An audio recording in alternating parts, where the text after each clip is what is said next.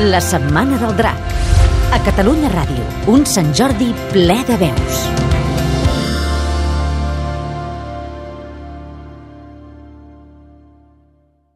These are the two brothers, em diu el senyor antipàtic amb turbant blanc i túnica turquesa. M'assenyala un baix relleu pintat sobre la roca de dos homes que van ser enterrats junts ara fa 4.000 anys.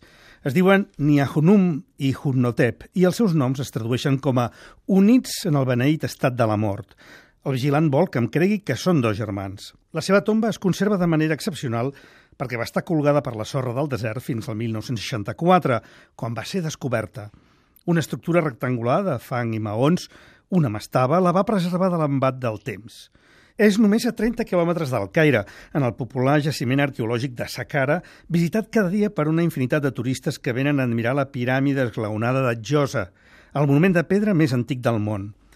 La majora hi arriba en una visita guiada amb autobús que també inclou a la piràmide de Gizeh i l'Esfinx. Són tants els monuments imprescindibles que s'han de visitar en tan poques hores que és gairebé impossible que algú pari atenció en l'aparentment anudí grup de tombes B de Saqqara. Els guies es limiten a explicar que hi van ser enterrats els servents més fidels del faraó Unes, però poca cosa més. Són unes tombes que es van obrir al públic el 1990, però que mai no han estat visitables del tot. Cal comprar un bitllet extra per accedir-hi i si algú se n'oblida, s'ha de refer el quilòmetre de distància que hi ha entre les taquilles i l'entrada del recinte. A més, tampoc no està clar quines tombes es poden visitar amb el bitllet.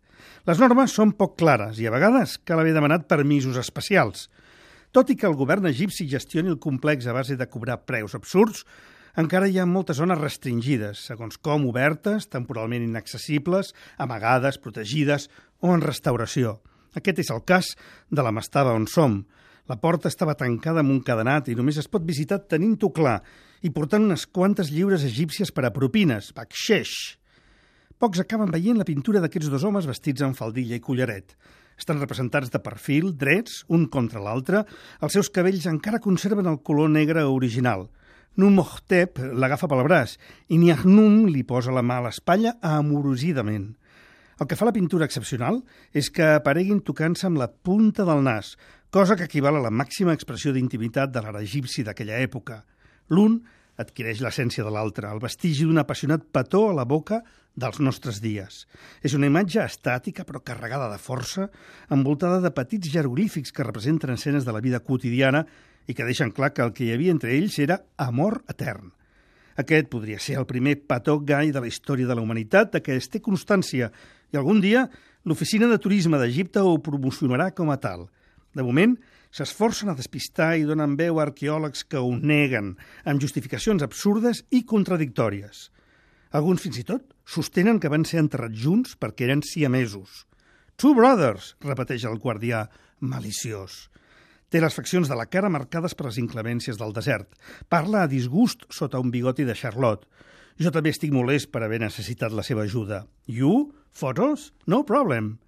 A fora hi ha un cartell que prohibeix les fotografies i és ell el que hauria de fer complir les normes. Però en comptes d'això intenta rebassar-me la càmera. Vol fer-me les fotos de rigor i marxar entabanar un altre turista. Li importa molt poc si falta el respecte al lloc on som. No guide. I'm the chief, repeteix per deixar-me clar que sense ell no hauria entrat i que li he de deixar una bona propina. Em torno a concentrar en els dos homes de la mateixa classe social que, tot i no morir en el mateix moment, van ser enterrats junts gràcies a tenir el favor d'un as, l'últim faraó de la cinquena dinastia egípcia. Eren els seus manicurs, uns dels pocs privilegiats que podien aproximar-s'hi i tocar-li les mans. L'emperador els va voler enterrar a prop seu per seguir comptant amb ells en una altra vida?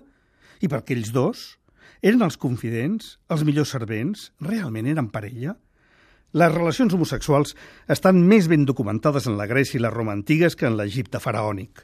Sigui cert o no, per què s'amaga la seva tomba? Si haguessin estat un home i una dona, també s'insistiria tant que van ser dos germans? Ok, repeteix el vigilant rondinaire.